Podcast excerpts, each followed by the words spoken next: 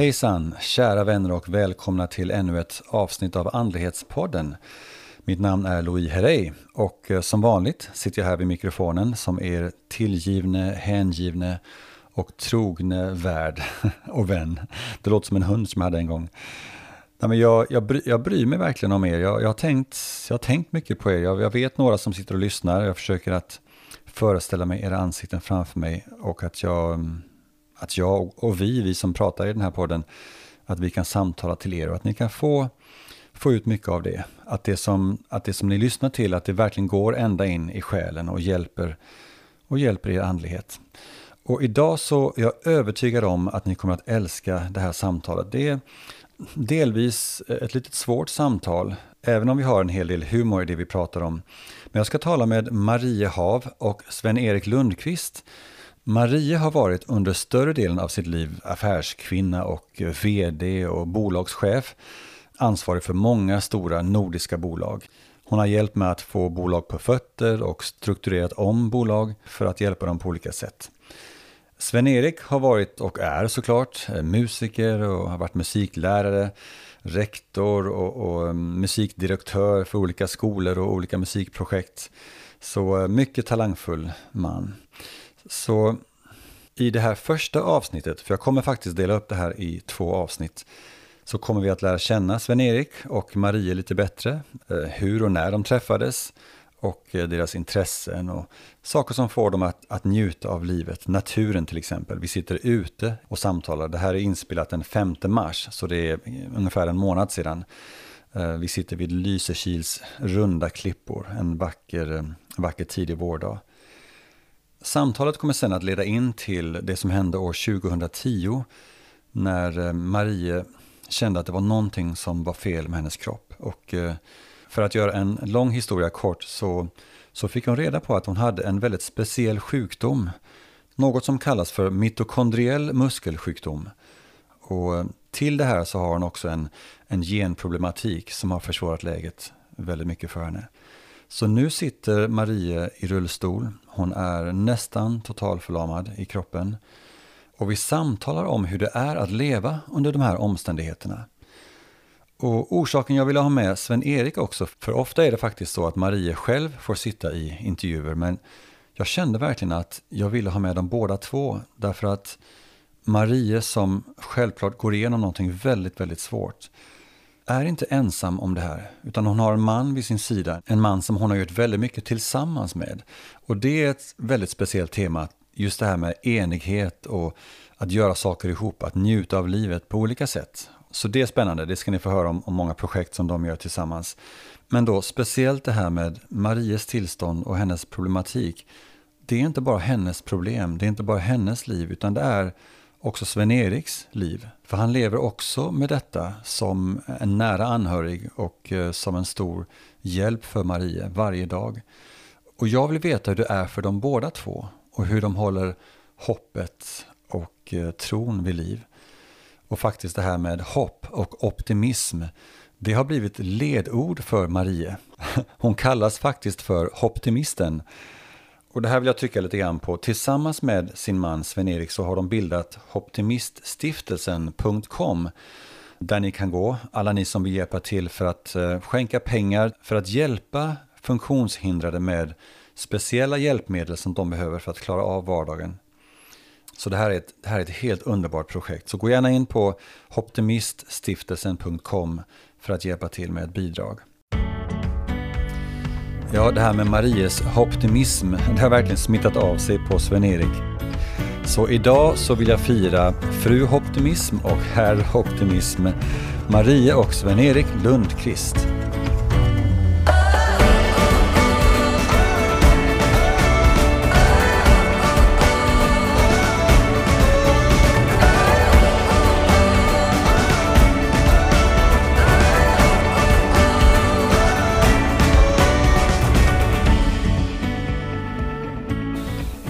Hälsar jag två personer varmt välkomna idag. Mm. Marie och Sven-Erik. Ja, tack. Hej. Hej. Vilken, jag måste säga, vilken härlig utsikt vi har idag. För första gången så sitter jag ute med mina gäster. Vi är i, uh, vid Lysekil. Yes, Stångehuvud. är det Stångehuvud vid Pinnevikens Ja. eh, strand här i, i Lysekil. Otroligt vacker utsikt. Hur, eh, hur kommer det sig att eh, ni ville att vi skulle sitta här idag? Det är så att jag kommer från ytterst i Oslo, Oslofjorden. Ja. Vuxit upp, eh, som eh, min mor sa, jag undrar om jag hade geler istället för lungor. När vi flyttade hit så sa vi det att, eh, eller först så köpte vi en stuga här. Ja. Eh, och när vi skulle flytta hit så sa jag, "Ja, då vill jag bo här. Ja. För det är närmast där jag växte upp. Med de här kala klipporna och utsikten. Alltså det, det är en dröm alltså. Mm. Vyarna vid havet och vyarna på fjället. Det, det dras jag till. Ja. Jag förstår det och en, idag är det magiskt här. Mm. Och när vi pratade på telefon så inför det här samtalet så, um, så sa ju du Maria att du ville vara ute här. Och jag var lite tveksam för att det är ändå fortfarande lite vinter och kallt. Och jag, jag minns det regnade och blåste kallt när, jag, när vi pratade på telefon då. Men, men då sa du att du skulle beställa bra väder. Ja, ja, Och idag är det fantastiskt. yes. Ja, det är en sån superdag. Ja. Ingen vind nästan alls och det är Nej. soligt och det är Varmt, gott. Mm. Ja, varmt och gott, härligt. Och eh, jag har en utsikt här, jag tittar rakt ut över, över viken här och det är, det är väldigt unika klippor här. Mm. Det är mer runda än vad man brukar se Ja. och eh, vackra formationer. Och så området är känt för röd granit också. Mm, ja, jag kan se det. Ja, det är fantastiskt fint där. Alla öarna runt omkring här har ju Mm. den här, de här runda formerna. Och på sommaren då när man lägger sig på dem, det är Mm. som att lägga sig på en varm matta. ja. alltså, och, så, har- och så har du saltvattnet. Så att eh, ja, den känslan den är bara unik. Mm. Jag är uppvuxen så långt från havet man kan komma ungefär, mi- mitt i Sverige, i Örebro. Ja, Men sen när jag träffade henne då i Danmark och eh, flyttade sen till Norge då för att studera och vara med henne. Då blev det havet. Då Mm. gick det inte att undgå längre och nu älskar jag också havet faktiskt. ja vad gott. Han är fam familjens kapten. Ja, Örebro är en väldigt vacker stad också i och för sig. ja, det är det, men det är långt från havet. Det är långt från havet. Ja. Ja, men det är. Och ni har en båt precis bredvid här också, eller hur? Ja. Mm. Är ni ute mycket på havet då? Med... Ja, på sommaren är vi ute Hela mycket. tiden. Och det, våra barn och barnbarn kommer ju och alla ska ut med båten. Ja. Det, det är inte bara båt. Det är kajaker, det är gummibåtar, det är paddleboard, det är skotrar. Mm. Ja, du vet. Mm. Vad gör det, eftersom det här ändå är andlighetspodden då, vad gör det för, för själen så att säga när man, när man upplever naturen på det här sättet? Alltså hur, hur skulle ert liv vara om ni inte hade det här? Det här ger mig frid och ro. Mm. bara sitta och titta ut. Jag kommer ihåg när jag första gången, de första gångerna jag kom till deras stuga då, på Tjömme i Norge och satt och tittade på kvällarna. Jag kunde bara sitta och titta ut på havet flera timmar. Mm. Det var fantastiskt. Jag, jag, har ju växt upp så. Och jag, jag sov inte. Visst jag kunde och, och min- fick så låg jag ute på klipporna och sov på Mm. nätterna. Gjorde det? Ja. Och när det var storm så var jag i vattnet och, och helst under vattnet. För under vattnet var det tyst. Och så när jag kom upp så såg jag de där vågorna. Alltså, det är så nära naturen som man kan komma. Man blir en del av naturen. Och det här fantastiska som vår Herre har skapat, det, Mm. det går liksom an, Mm. inte an att sätta ord på. Nej. Man får ju en enorm respekt och man får en enorm... Man får en, ja, det är svårt att säga, men man får ett... Vad fantastiskt det är allt. Mm. bara havet och även om människan har gjort mycket genom åren så är det fantastiskt vackert. Mm. Ja, men jag håller med. Eh, hur träffades ni? Om vi ska hoppa från ena, ena till det andra. Du säger att du kommer från Örebro, Mm. eh, Sven-Erik, och du Marie kommer från, från Norge. Tjömme, Tjömme, var ligger det ja, någonstans exakt? ytterst i Oslofjorden. Ja, så det sa du, just det. men mina Ja. föräldrar hade ju jobb i Oslo så att vi var fram och tillbaks. Men alla rötterna. Vi har faktiskt eh, vi har jobbat med, min mor och min familj har jobbat med släktforskning. Mm. Och det, ö, på de öarna så kommer både min far och mors släkt helt ner till 1450. Oj. Och eh, det är en av orsakerna till att jag har en sjukdom. Det är tre gener hos mig som har problem. Mm. Och en av dem är för att eh, de gifte sig bara mellan den ena och den andra ön där. Ja, jag förstår. Mm. Vi ska snart prata lite mer om, om, om din sjukdom. Mm. Så att, eh, Men vi träffades då. Jag var, åkte på en ungdomskonferens med massa dans och idrott och grejer i Danmark, i Ålborg. mm. Och eh, då var det då s- var jag på väg hem från fotbollsmatcher. Eh. Och då såg jag det var två norska tjejer, det syntes ju på de hade röda, vitt och blått. Eh, på väg hem och då tänkte jag de får ju prata med mig istället för att gå ensam tillbaks till Det var ju logementet. snällt av dig. Ja, visst, jag är snäll. och då visade det sig att den ena var Marie och sen när, vi, när det var bal på kvällen Mm. då, då letade jag febrilt efter henne och så såg jag henne och så bjöd jag upp henne och det var, sen, var det, sen blev det som det blev. Marie, vad var din första tanke när, när han bjöd upp dig? När du Ja. såg honom första gången? Alltså vi, vi hade det roligt, det var en rolig kille Mm. när vi gick hem ifrån eh, idrottsplanen. Sen så var det också så att jag var på scenen och spelade. För jag, jag sjöng och spelade klarinett och han är ju musiker. Mm. Så att vi, tre, vi var ju på scenen också. Mm. Och sen efter underhållningen så var det dans efteråt. Så vi fick ju lite kontakt både vägen hem och så. Så det, det intrycket jag fick det var väl att det var en rolig, härlig, eh, mysig kille.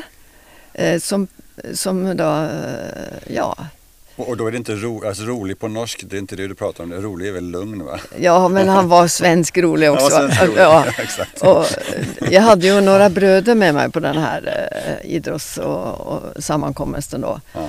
Eh, Och eh, jag vet att min mor fick eh, en del kommentarer att nu har Marie hittat en svensk och hur ska det gå? Hur ska det gå ja? Ja, just det. Norge och Sverige. Det Ja, eller hur? det är Ja. sant. Ja.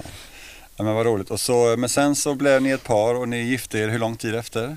Vi gifte oss två år efteråt. Det var 1970 vi träffade varann och 72 gifte vi oss. 72, det innebär att ni har snart Yes, 50 års guldbröllop. guldbröllop. Ja. Grattis i förskott då. Ja, tack. Ja. 12 juni. Och jag flyttade till Norge då 71. Mm. Jag gick på universitet i Stockholm när vi träffades och så flyttade jag till Norge 71 och började på Musikhögskolan. Så gifte vi oss 72. Ja. Så blev vi där i 20 år. Och när vi hade varit där i 20 år så sa du Marie, nu tycker jag att vi kanske skulle bo 20 år i Sverige. När du gjorde din del kände du. Ja, Ja. Kom ni hit då i, i trakterna kring Lysekil eller var hamnade ni då någonstans? ja vi köpte en sommarstuga här Ja. i Lysekil. Innan, innan In- hade vi innan. köpt det. Ja, och, ja.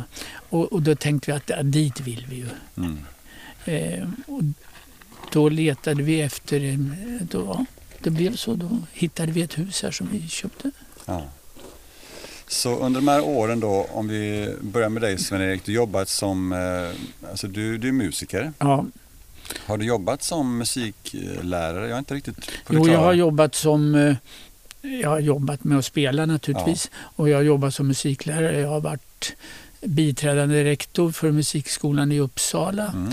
Jag har varit eh, direktör, som det så fint heter, för ett stort konferens och musikcenter i Oslo. Härligt. Där hade vi bland, där, Fredrikssons fabrik, för de som är så gamla så de kommer ihåg det, Mm. är inspelad där under min tid. Jaha, Det var jätteroligt. Men, men vi flyttade hit för han fick ett erbjudande om att bli VD för Musik i Väst här i Just det. Västra Götaland. Just Så det var jag i sex år. Nu minns jag det. Ja, vad spännande. Och sen har jag jobbat i Norge också då som eh, fylkesproducent för norska rikskonserter och så. Ni har väl haft eh, årliga konserter också i, Ja. i Norge va? Mm. Det har vi. Som ni två, båda två har varit med och arrangerat. Ja, vi fick Ja. ett uppdrag och, på fem år och, och starta en eh, orkester och en kör som skulle kunna eh, ja, marknadsföra oss. Samarbete med olika, olika, faktiskt olika kyrkor, Ja. olika organisationer. Eh, så det blev, ja, rent, vi var väl upp till hundra i kören. Och i orkester så var vi... Ja, vi hade en liten symfonietta, alltså symfoniorkesterns instrument fast inte lika många på varje instrument. Mm. Det är ju en symfonietta. Vi var väl eh, 17 stycken tror jag i orkestern. Mm. Och eh, det är inte många körer som har en orkester som är bra. Nej. Nej, så vi blev väldigt eftertraktade. Vi, vi samarbetade med Fredrikstad kyrka, med deras kör, de var två stycken. Och vi var i Moss, fyllde hela kyrkan med våra konserter. Och ja, vi var i Oslo på flera ställen. Och, och, ja. Ja. Så det var, det var fem år med väldigt mycket spännande. Det här gjorde vi mest till jul. Mm. Så att eh, på sommaren här när vi åkte båt och sen kom hem på kvällen så satt jag mig ner och började arrangera julmusik.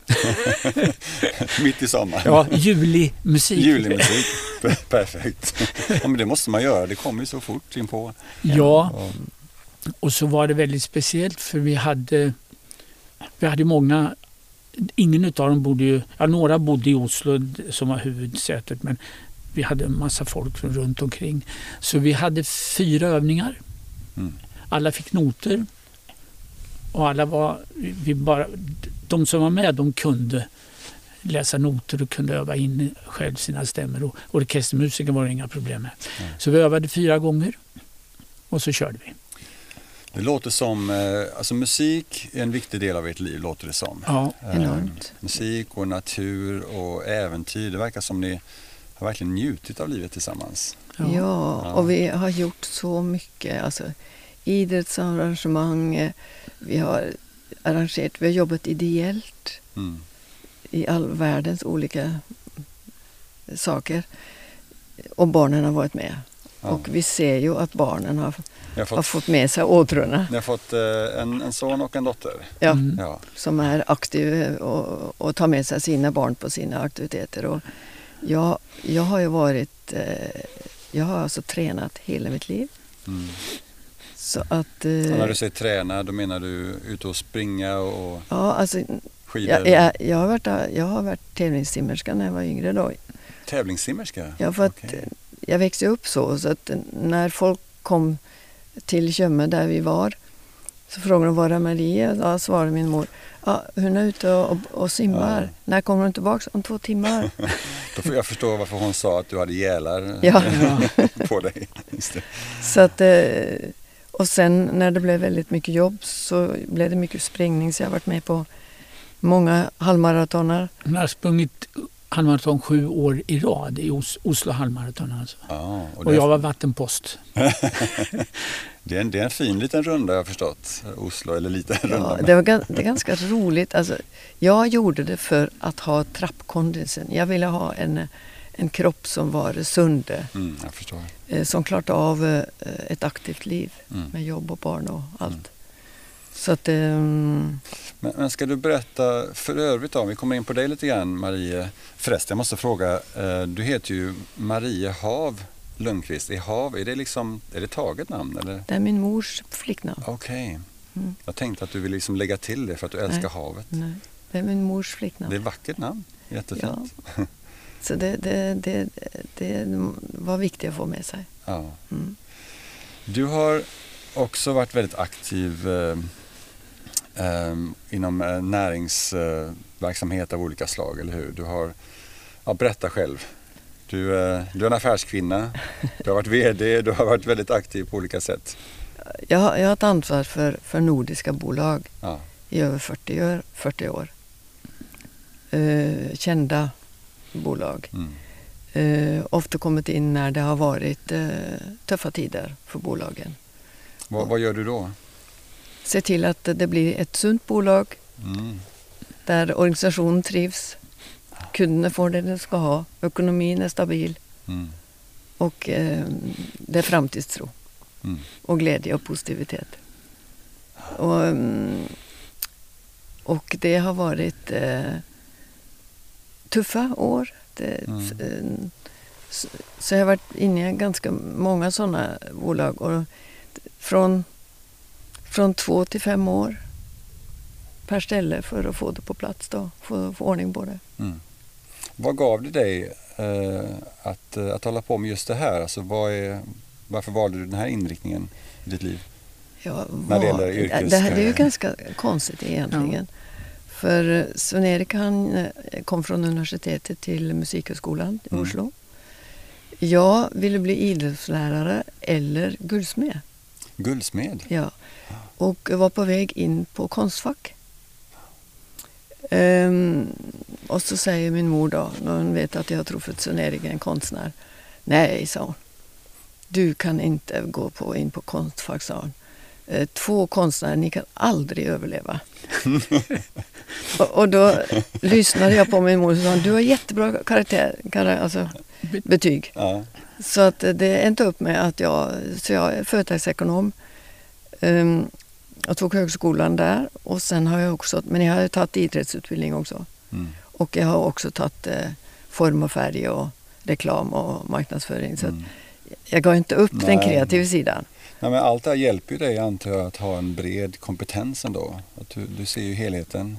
Så att det, när jag kom in i de här bolagen så jag tror att skulle du ha pratat med någon av dem som eh, jobbar med mig så var jag väl inte som andra, andra vd.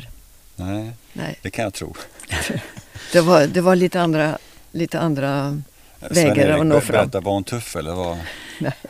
Ja, alltså, hon är ju väldigt omtyckt. Hon blir väldigt omtyckt, men hon är också tuff. Hon är världens tuffaste förhandlare alltså. Så sitta på bordet mitt emot henne och förhandla, då blev det många shaky moments. Men hon är Men- rolig också. För, jag, jag måste säga en sak som Ja. jag tyckte var jättekul. Hon skulle ha en firmafest Mm. för, för alla anställda. Så då passade hon på att, att boka taket på en byggnad. Okej. Och så släpper de upp ett piano också, så jag satt där och spelade till middagen. Och du är duktig pianist ska vi tillägga. Jag har hört dig spela. Ja, ja tack. Han är, Ja, kon- han är, han är, han är konsertpianist. Han Ja. debuterade som konsertpianist. Jag har gjort några eh, faktiskt roliga framträdanden. Nej, vi, Ja. det, det, det har det roligt alltså. Eh, Så att det är en av de tingen Mm. som står på alla listor när jag går in i ett bolag. Vi ska ha det roligt. Ja. Och några gånger så, så när jag kom in ny då i ett bolag så säger jag hej hej, sa jag. Hej hej, morgon morgon. Morgon morgon till allihopa. Och så säger de som eh, går bredvid mig. Eh, eh, det där var en kund. Eller, "Ja, Gör det något, sa jag. Kan jag inte säga morgon morgon till hon, ta Eller- honom eller? Eller hur? Jo, kan vi inte ha det så? Till slut så fattar de att det- ja, det är ganska roligt. Jag får, Ja, jag får berätta, berätta färdigt då. Jag ska berätta en grej till. De, eh, ja, nu säger jag inte vilket företag det var, men det kommer jag knappt ihåg själv. Men Mm. de skulle göra en sån här ut, personalutvecklingsgrej. Mm. Ja till personlig prestation skulle det heta. De skulle Ja. jobba liksom målbevisst. Och så där, ja till person. Japp. Så hon köpte Japp. En hel massa sådana Japp. Och så klistrade hon dem under stolen. Och så kom alla chefer och personal och så skulle, skulle hon introducera det, introducera det där. Så bland det första hon gjorde då var att be, kan alla ställa sig upp nu, böja sig ner och titta under stolen och ta fram det som hänger där. Så alla chefer rumporna upp i vädret och allt möjligt. Liksom. Det var så det började, den började så. Men det, och, och då kom ju alla, då är ju alla med på Mm, banan på en gång. Mm. Det var liksom inget som inte, det var ingen som gick från det mötet och inte visste vad de höll på med. Exakt. Vad härligt. Det låter som du har, och båda två, att ni har bra människokännedom, att ni vet hur ni ska liksom få igång och vilken trigger ni ska trycka på för att... Ja, när det gäller musik så vet nog jag det. Mm. Eh, och Marie Jo, hon har, har varit i- väldigt duktig på Jag kan gå in på ett, eh, ett ställe och så vet jag var problemen ligger. Ja, ja. Jag måste fråga Sven-Erik, du, du sa att hon är duktig förhandlare. Hur är det hemma då när ni sitter vid köksbordet? Är det lika, är lika svårt? Hon är duktig förhandlare. Hon är? Okej, du säger bara det. Hon är... ja. Okej, ska Nej, vi... men det går bra. Det, Ja. Så är det ju. Men man, Sven-Erik är ju en, en, en, en, em, en tänkande kon- konstnär. Mm, ja, jag, jag, jag liksom lever i min egen värld ibland. mm. Så när, när- när jag sitter och tänker på musik eller något, eller hur ska vi spela det och hur ska vi... Då är jag liksom... Då, på, är, då är du borta. då är jag på månen eller Ja, någonstans. ja. Liksom, så då är jag inte, och då kan det lätt bli missförstånd också. Ja. Eh, vilket det händer ibland. Och, och när sjukdomen kom och sånt så, så var det inte alltid så lätt för jag liksom är sån. Mm. Så jag, jag jobbar med att skärpa mig hela Ja. tiden. Vilken tur. Det kan alla bli bättre. Du nämner sjukdomen här då Sven-Erik. Ska vi komma in på det lite grann? Eh, Det är lite därför ändå vi sitter här idag. För att tala om din situation, Maria. Mm. Eh, Du märkte efter ett tag att någonting började hända. Eh, Om jag minns rätt, det var när du var ute och sprang Mm. som du märkte att något var fel. Kan du berätta? Ja, alltså det, eh, det började med när jag satt på mötena på jobbet. Och, och när är det här? Ska vi ta, vilket år pratar vi om? Vi pratar om slutet av tio. Okej. Eh, svårt att höra på jobbet. När jag var ute och sprang så ramlade jag. Mm. Jag bad Sven-Erik om att vara med. Han hade haft dåligt knä så han hade svårt för att vara med men han, han följde med så långt han gick. Mm. Eh, men till slut så gick det inte. Benen ville inte hänga med. Så att, eh, då började de undersöka eh, öronen först och främst. Då fick jag faktiskt eh, besked att de måtte fort ta en CT-skanning för de räknade med att jag hade en hjärntumör. Eh, för jag hade förlorat hörseln liksom från eh, perfekt till eh, långt, långt ner. Mm. Och ehm, när jag gick ut därifrån och skulle in på ett jobbmöte efter att ha fått det beskedet så mm, satte jag mig ned och med, mm, ja, kände efter på mitt sätt och mediterade på mitt sätt. Är det cancer? För vi, vi har nämligen, jag har två bröder med cancer och en dog och jag har haft en, flera cancersituationer väldigt så, nära. Så det var det du misstänkte? Ja, nej, efter att jag, jag satte mig i bilen. Och så efter en stund så sa jag, nej, det är inte cancer. Mm. Du bara kände det? Nej, det är inte cancer. Så jag gick på mötet. Och så Erik ringer mig på eftermiddagen och sa, hur gick det på, hos doktorn? Du, det, du ska inte bli rädd när jag säger det, för det att jag, vet, jag vet att eh, det, det här fixar vi. Men de sa att jag, de, jag, att jag har en hjärntumör. Men det har jag inte, sa jag. Mm. Och, vad, och då sa du bara, Jaha, nej, så då har du väl inte det?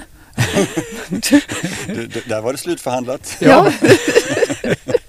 Kan säga. Nej, men, eh, Så, så, jag, men, jag trodde men sen faktiskt så gick att det ju... hon kände efter själv att hon inte hade det. Ja, ja, men ibland kan man ju känna, ja, man Mm. känner ju sin egen kropp också. Mm.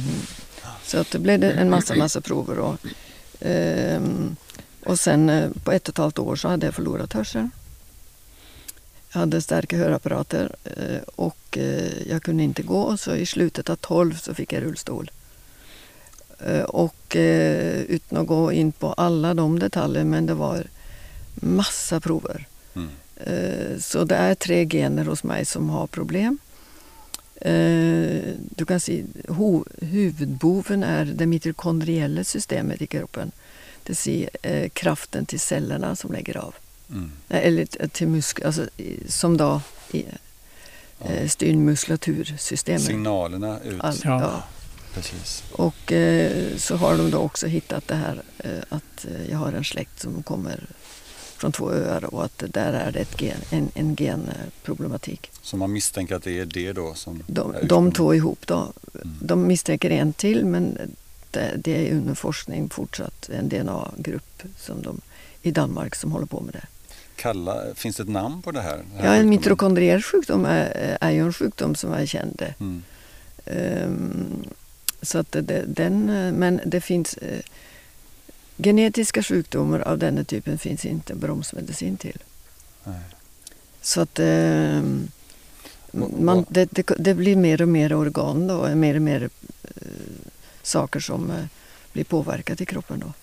Kan du beskriva lite grann för de som lyssnar, vad, vad innebär det för dig? Du säger, eller för, för det första vill jag fråga, hur, hur kände du när, du när du fick det beskedet? Att det finns ingen bromsmedicin. Vad, du som är så aktiv och älskar livet och, och allt det här som ni har berättat och mycket till. Hur påverkade det dig att få höra det? I början så sa jag till min dotter, för jag, jag började ju med en gåstol och så. Mm. eh, och skenor och massa.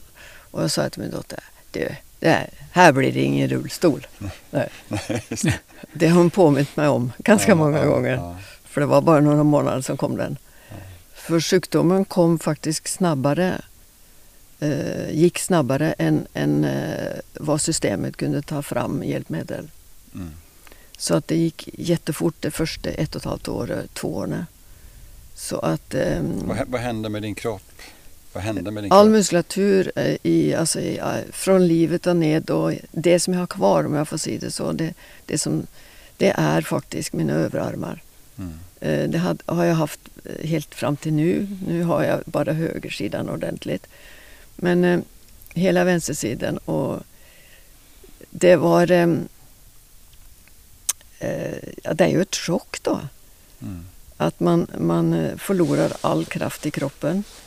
Eh, och det är ju både inre och yttre organ då som lägger av. Mm. Så det, det är ju en, en, em, en, en ganska tuff sjukdom. Mm. Eh, Men jag tog ett beslut väldigt tidigt. Nej, det är jag som är chef. Du bestämmer. Jag bestämmer. Ja. Hur, hur har det hjälpt dig? Menar, uppenbarligen så, jag ser dig nu, du har rullstol och du har din sjukdom att, att kämpa med. Men hur har den här fighting-viljan, har den, har den hjälpt dig på något sätt? Jag antar Ja, att den har det. Och ja. det. För det första så har mitt sunne, att mitt sunde levnade från, från jag var ung. Mm. De sa det att jag skulle ha suttit i rullstol senast i ungdomsåldern. Oj då. Så att jag, fick, jag ser så här, jag fick 40 år Mm. på grund av att jag tränade, levde sunt. Sen när den här har kommit, de, vi fick ju ett besked som står i boken. För jag, det blev ju en bok som En vi kan komma till. Ja. Och då sa ju de läkarna att använd tiden tillsammans nu. Mm. De räknade inte med att jag skulle sitta här idag. Fantastiskt ändå. Jag älskar ditt perspektiv på livet och du tänker på det som du har fått hellre än att det du inte fick. Ja. Och så fick jag namnet Optimisten då. Ja, För jag tror på hopp och optimism. ja, du har två ledord, hopp och optimism. När, när, när kom, det har alltid funnits i bilden antar jag. Men inte som, inte som ett, eh, inte som ett eh, registrerat Nej, varumärke. Du kallas optim, optimisten, Ja. kallas det officiellt nu. Ja. Ja, Ja. det gör. Och så har vi en stiftelse då som heter Optimiststiftelsen. ja. Jag tänkte fråga, kan man, vad kan vi göra, vi som lyssnar på det här? Fin, kan man gå in någonstans och, och hjälpa till på något sätt? Ja, det är så att eh, det blev en bok. Jag ville inte skriva en bok, men det blev en bok. Mm. Och den kan du säkert gå in på sen. Men allt, allt som jag gör, jag tar aldrig en krona själv. Mm. Jag är ute och föreläser i hela Norge, hela Sverige och, och delar av Danmark. Och allt... Jag säger nej, jag ska inte ha någon, något arvode. Skicka en donation till Man stiftelsen. skickar till stiftelsen. Ja. Mm. Och det är optimiststiftelsen.com. Och då kan man alltså bara, där står det tydligt hur man kan donera. Och då har vi samarbetspartnere. Allt som jag gör, allt som stiftelsen tillsammans gör, går dit och vi eh, hjälper funktionshindrade med att få hjälpmedel som man inte får få från det offentliga Mm. systemet. För de, du kan se, du upptäckte någonting. Ja, jag märkte ju på en gång när vi skulle ha hjälpmedel att det här var inte lätt. Nej. Nej. Och hon fick ju inte alls det hon behövde men det var med nöd och näpp hon fick en rullstol. Mm. Och eh, det var då jag tänkte om alla har det lika svårt och det räknar jag med att de har Mm. så, så kanske vi kunde hjälpa till på något sätt. Mm. Och det var så tanken föddes Mm. till att starta stiftelsen. Underbart. Så den finns i Norge och Sverige. Och eh, de ansökningarna vi får, de är alltså så... Alltså, vi gråter när vi läser dem. Mm. Det är eh, livsöden som är helt förfärligt. Och jag ska inte gå in på alla dem, för det, det kan ta för lång tid. Men det som du ser, Sven-Erik, Ja, det roligaste jag gör på hösten och våren, vi har utdelningar två gånger om året på hösten och våren. Det roligaste jag gör det är när jag ringer till de som får hjälp Mm. och säger att de får hjälp. Och speciellt till jul då. En del, de börjar på gråta och säger Åh, det var den bästa Ja. julklapp jag kunde ha Underbart. fått. De, var, de är helt... Och det, det är en av de det är en av de drivkrafter för mig också. Alltså, sjukdom, de sa ju att troligtvis så vill du också förlora talet. Men det har du inte gjort. Nej. Nej. Eh, jag har problem. Är det, är det ansträngande för dig nu när vi sitter och, och talar? Blir du trött av det? Det som är det är att eh, visst du hade visst vad som har skett dagarna innan och vad som sker på dagarna efter. Mm. Eh, så det är ju så att eh, jag har ju... Eh, alltså hela kroppen är ju, är ju, är ju påverkat. Eh, armar, ben, eh, hörsel, öron, hela matsystemet. Ögonen också. Och, och nu, nu har jag snart inget syn kvar. Mm. Ehm, men jag har lärt mig att orientera mig. Jag har blivit opererad och fått ett cochlea-implantat för jag förlorade hörseln. Berätta om det bara snabbt. Vad innebär det att du har ett på, på sidan Ja. inopererad, jag ser det här på Mm. vänstersidan, som gör att du, du hör mig. Det som är, det var att eh, jag kände och sjukdom, mitokondriella sjukdomar kan eh, gå på ögon och öron. Mm. Eh, jag kände att det var på gång. Mm. Ehm, och jag, när, när hörseln kom ner på liksom det lägsta audiogramsystemet eh, så sa de det att ja, vi, vi, vi, vi må tänka på det. Men det var ingen som tordes. De vågar inte operera på dig. Nej, för att muskulaturen i, i min bröstkorg är så svag så att jag har väldigt liten lungkapacitet. Mm. Så att jag har en andningsmaskin som hänger på rullstolen Mm. bak mig här. Ja. Och jag har en andningsmaskin på nätterna. Och det var inte någon på det sjukhus jag går till som ville söva mig för de trodde aldrig jag skulle komma ut av en respirator. Jag förstår. Och det är ett mirakel egentligen om man får använda sådana ord. För eh, vi tjatade och tjatade. och din envishet tänkte jag lägga till Ja. också. Mm. Och till slut efter eh, ett och ett halvt års eh, diskussion med brev till högsta toppen överallt. Så sa de ja. Men de sa det är högrisk operation. Mm. Och du kan eh, tillbringa resten av din tid i respirator. Nej, sa jag. Det tänker jag inte. Nej, det har inte jag tänkt till. Och det, det, så blir det inte. Och jag hade, dagen innan jag skulle opereras så var det, blev jag intervjuad av flera narkosläkare. Mm. Och de sa, ni vet det är hög risk. Har ni pratat med familjen? Ja, det har vi. De, de, de litar på bästemor och, och Maria. Mm. Så att ehm, så när jag kom och skulle träffa eh, kirurgen så hade jag truffat så många som hade sagt det här går inte. Du kommer inte att vakna. Mm. Så när kirurgen kom in av dörren, en lång statlig man, det första jag sa jag klarar det! Du vet väl det? Jag klarar det! Och så tittar han på mig. Jag har hört det Marie, sa. Ja. Och jag var, jag var på väg liksom att argumentera. Och så tittade han på mig och så sa han, Visst du menar Mm. att du klarar det, så ska vi klara det. Underbart det. Ja. Och då, eh, dagen efter så kom jag in och eh, det kom den ena narkosläkaren efter den andra in på operationssalen. Och då en speciell som eh, ville gärna vara med, som jag hade lovat. Och så viskade jag till honom innan de söver mig.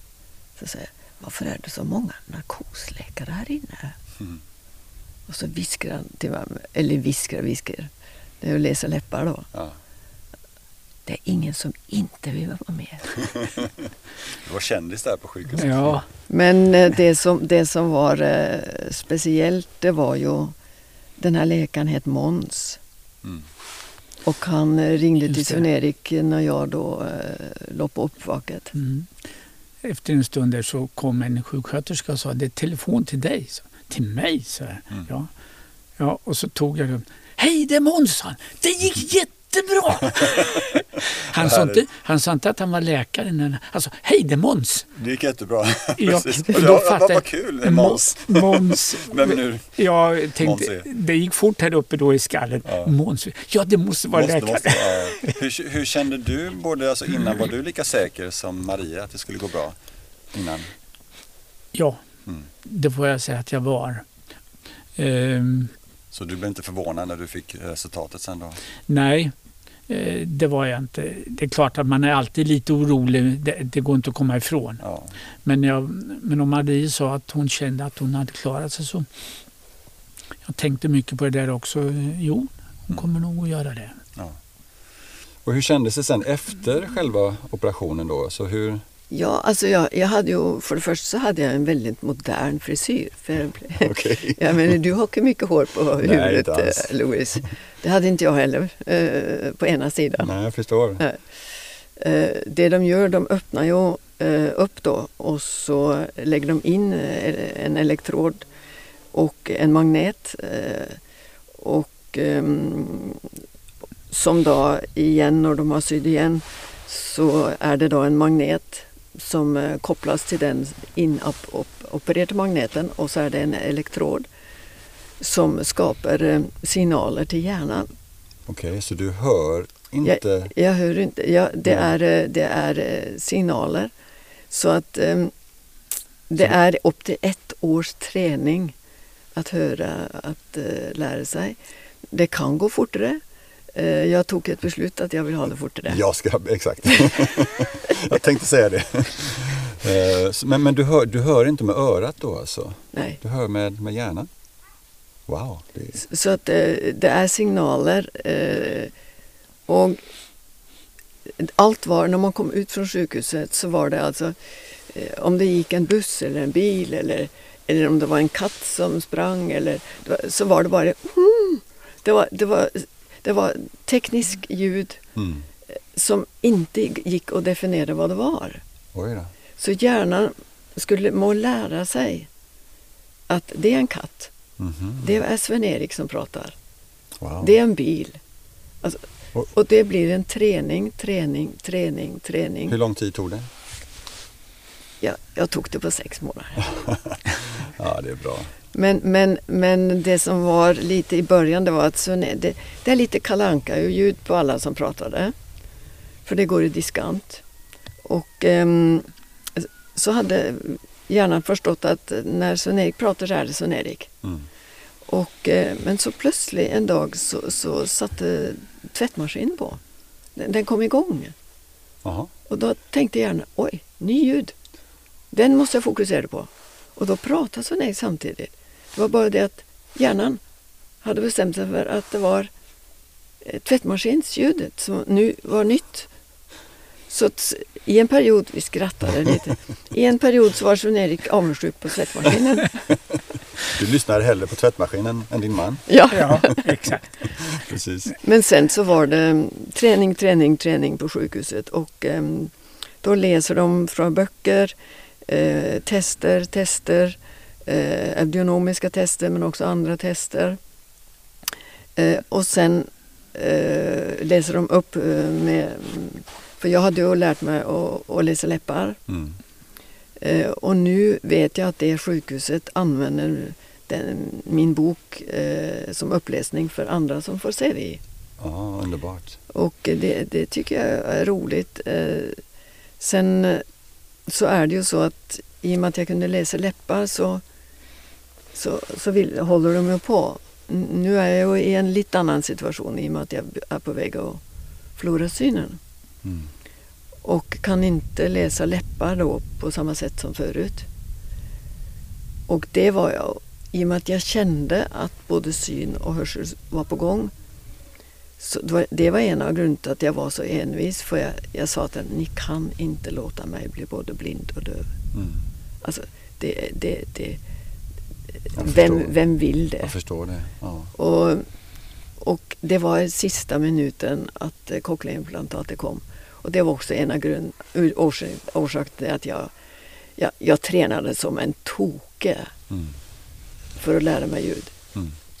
Eh, telefon utan Facetime, det är, eh, har jag bara ju haft nu en väldigt kort period. Men eh, jag pratar med dig utan Facetime. ja. Men nu hjälper ju inte Facetime så Nej, gott heller då. Nej. Men alltså tajmingen har varit... Eh, Det är ett mirakel ändå Mm. måste jag säga. Ja. Mm. Det är det faktiskt. Fantastiskt. Alltså, jag blir så inspirerad när jag, när jag lyssnar på det här. Och det, det du berättar nu, och det finns ju massa berättelser säkert Marie, eh, på hur du har liksom mot alla odds ja, vunnit, vunnit olika kamper.